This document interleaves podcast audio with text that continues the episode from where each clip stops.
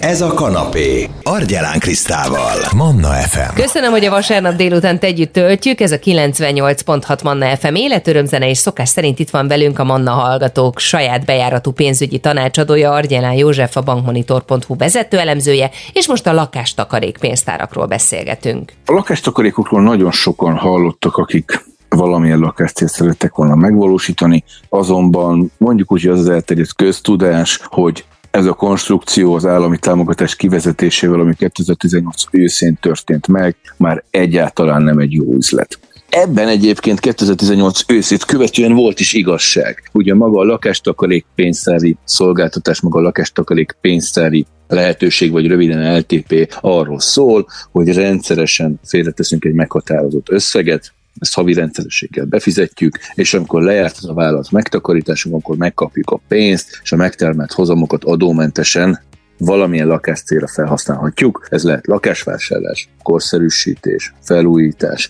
akár lakáscélú hitel kiváltása, előtörlesztése is. Ezt amikor elindult ez a lehetőség, azzal próbálták promotálni mondjuk így, hogy az állam az éves befizetések után egy 30%-os állami támogatást is még hozzátett a történethez.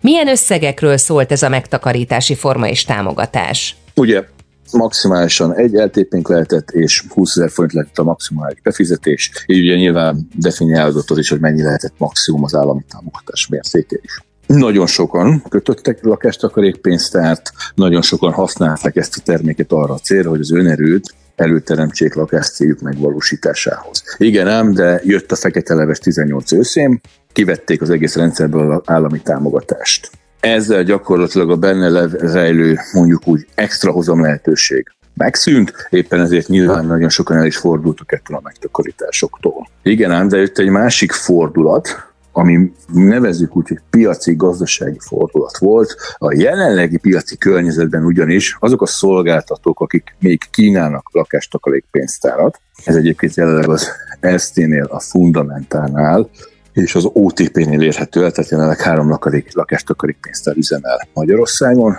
Mindegyike valamilyen extra kifizetést, kamatbónuszt valamilyen más megnevezéssel, de valamilyen extra hozamot ígér a náluk indított lakástakarékukra. Milyen bónuszokról beszélhetünk?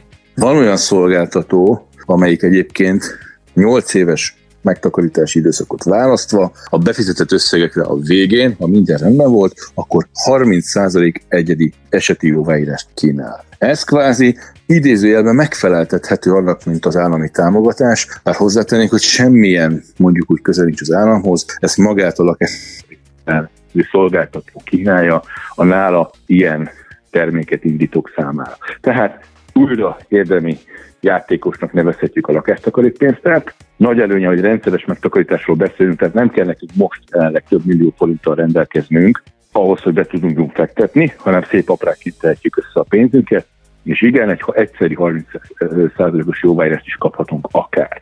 Így egyébként, ha 8 évre vetítjük, akár egy 6,14%-os évesített hozam is kijöhet a végén. Fontos, hogy ezt úgy kalkulálhatjuk ki, hogy az induló díjakkal nem számoltunk, elég komoly induló költségekkel számol ránk a lakástakarékpénztári szolgáltató, hogyha ilyet kötünk, viszont ha egyes kiemelt partnereink keresztül kötjük ezt meg, akkor ezektől egyes szolgáltatók eltekintenek, tehát hogy most mi ebben a kalkulációban eltekintettünk ettől a induló költségtől. 6,14 százalékos hozamot lehet elérni, ha nem számoljuk az induló költségeket, akkor menjünk innét tovább. Ez a 6,14 százalék mondhatjuk, hogy ha most szétnézünk a piacon, nem tűnik annyira attraktívnak, hiszen van a három éves fix magyar állampapír esetében évi 7%-os kamat, de a bónusz magyar állampapír, vagy még a prémium állampapír esetében még ennél magasabb átmeneti kamatszintről is beszélhetünk. Igen ám, de jóval rövidebb futamidőről. A fix magyar állampapír esetén ugye három évről beszélünk, addig biztos évesítettem 3% a kamat. Azt követően azonban, hogy akkor milyen lesz a gazdasági helyzet, nem tudhatjuk, de hogyha minden rendeződik, az infláció lecsökken, az alapkamp is mérséklődik, akkor bizony jó esélye ez a 7%-os kamat a harmadik év után már nem lesz elérhető az új, akkor elérhető megtakarításoknál. A prémium állampapírnál, vagy éppen a bónusz állampapírnál ez a folyamat még gyorsabb is lehet, hiszen ezek változó kamatozású megoldások, gyakorlatilag évről évre, vagy a bónusz állampapír esetén negyed évről negyed évre az aktuális piaci hozamoknak, viszonyoknak megfelelően átárazódik a kamatszint. Ha tényleg rendeződik a piaci környezet, akkor gyakorlatilag ezen megtakarítások hozama már a saját futamidejük alatt is lecsökken. Tehát azért 8 évre évi 6,14%-os átlagos hozam már nem tűnik rossz ígéretnek. Sőt, olyannyira jónak tűnik, hogy még azon is érdemes elgondolkodni, hogy hitellel összekombináljuk ezt a konstrukciót.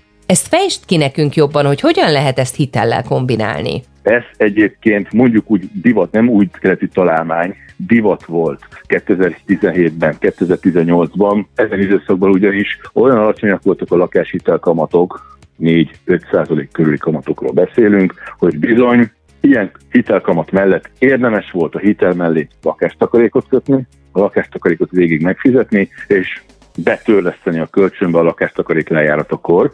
Ugye maga az LTP az lakáscélú felhasználás esetén adómentes, illetve akkor kapjuk az állami támogatást is, a régi LTP-kről beszélvén lévén szó, ahol még volt állami támogatás, de azt ki kell hangsúlyoznunk, hogy a lakáshitelek előtörlesztése az lakáscélnak minősült. Tehát ezzel a kombinálással érdemben lehetett csökkenteni a lakáshitelek költségét. Gondoljunk be, hogy a lakáshitelek teljes éves költsége az elmaradt kvázi az lakástakarék pénztár, tehát a megtakarítás éves hozamától. Tehát többet nyertünk azzal, azzal, hogy nem a hitelbe tettük be a pénzt közvetlenül, hanem egy más megtakarítási formát választottunk, és azt követően, amikor az lejárt, és abból kiszedtük a nyerességet, utána törlesztettük elő a hitelt. Nyilván ezt a lehetőséget megszüntette az a dolog, hogy kivezették az állami támogatást. Most a lakástakarék újra megjelent a 30%-os bónusz, tehát olyan, mintha hasonló hozamokat érhetünk el, mint korábban, amikor még volt állami támogatás.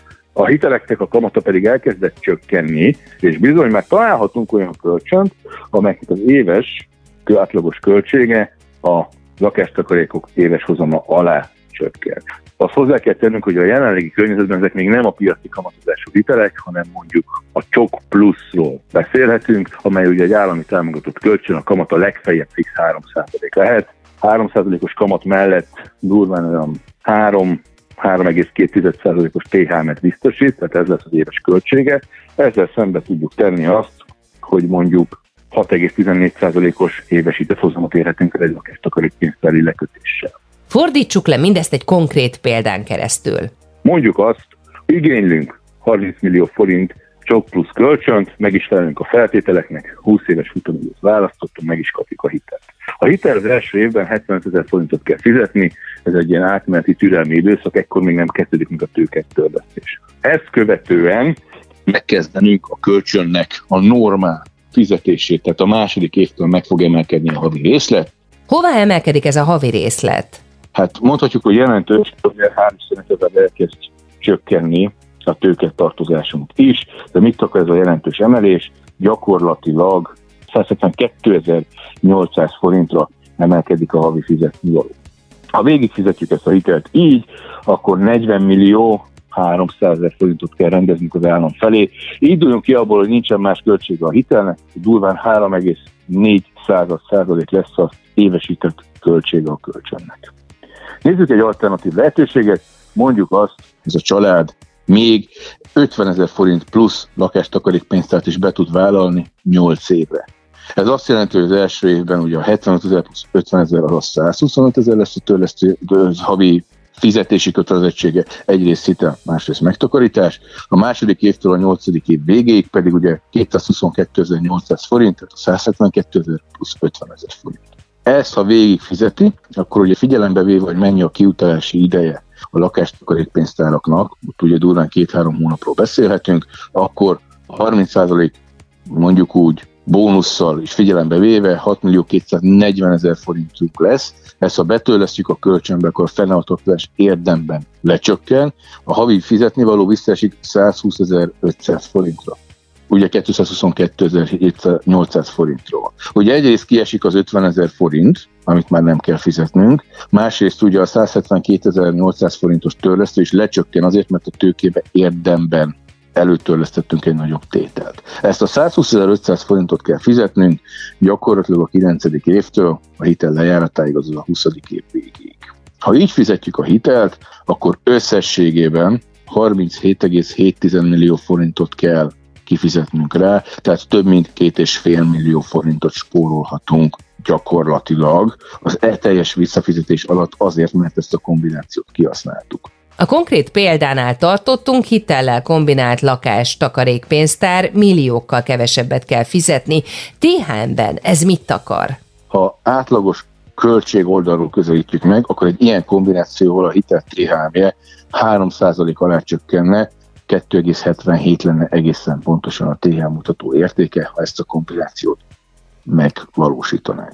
Nyilván vannak itt egyéb díjak is, amit figyelembe kell venni. A lakástakarékpénztárnak is ugye vannak ugye a visszaemelítési díjai, a hitelnek lehet előtörlesztési díja.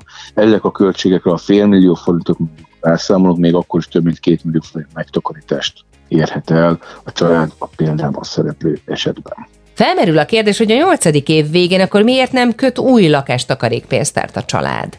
Nyilván ezt megteheti, de azért azt hozzá kell tennünk, hogy a jelenlegi piaci környezet nagyon speciális, most egy ilyen extra hozam rejlik a lakástakarékpénztárban, egy 8 éves futamidő alatt. Azt feltételeztük a példában, hogy a 8. év végén rendeződik a gazdasági helyzet, visszabillen egyensúlyba, és akkor már nem lesz ilyen extra lehetőség, ezért nem köt újabb lakástakarékpénztár a kérdéses család. Nyilván akkor is lesz ilyen lehetőség, akkor érdemes lesz megkötnie, de most mondom a példában, úgy is elért több mint 2 millió forint nyerességet a család, hogy nem kötött újabb lakástakarékpénztárt. Még egy fontos dolog, hátulütő, ugye futamidő változatlan szint volt, ebből indultunk ki, a 172.800 forintos havi törlesztő helyett pedig, ugye a második évről beszélünk, ez 222.800 forintos fizetési kötelezettséget jelentett.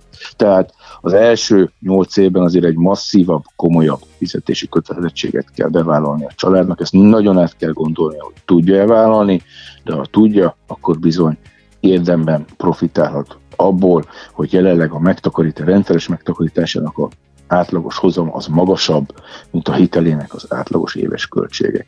Ha így csinálják is, megéri a lakástakarékpénztár. Hozzátenném, hogy önmagában azoknak is, akik jelenleg megtakarítóként gondolkodnak, és nem akarnak ilyen hitelkombinációkat végrehajtani, nekik is megérheti, hiszen 8 éves futamidőre az évesített 6,14%-os hozam azért egész jó ígéretnek tűnik. Hozzátenném, rövidebb egy-két éves időtávban, három éves időtávban jelenleg ennél vannak jobb ajánlatok a piacon. De a lakástakarékpénztárak, az LTP szerződések mindenképpen újra a megtakarítók radar elképernyőre kell, hogy kerüljenek, mert bizony egészen jó ajánlatokat láthatunk relatív alacsony kockázat mellett. Nagyon szépen köszönöm. Argyelán Józseffel a bankmonitor.hu vezető elemzőjével jártuk körbe a lakástakarékpénztárak kérdését, illetve azt, hogy most megint megéri összekombinálni ezt hitellel, és hogy mennyit nyerhetünk akkor, hogyha ilyen útra lépünk. Na ezt is kifejtettük egy konkrét példán keresztül. Ha valaki szívesen visszahallgatná nyugodtabb percében, amikor nem zsizsegnek a hátsó ülésen például a gyerkőcök, mert a nagyitól tart hazafelé a család, akkor jó hírem van, a Manna FM podcast felületén ezt a beszélgetést is meg lehet majd találni, akár itunes akár Spotify Spotify-on lehet keresni. Manna, ez a kanapé, Argyelán Krisztával. F.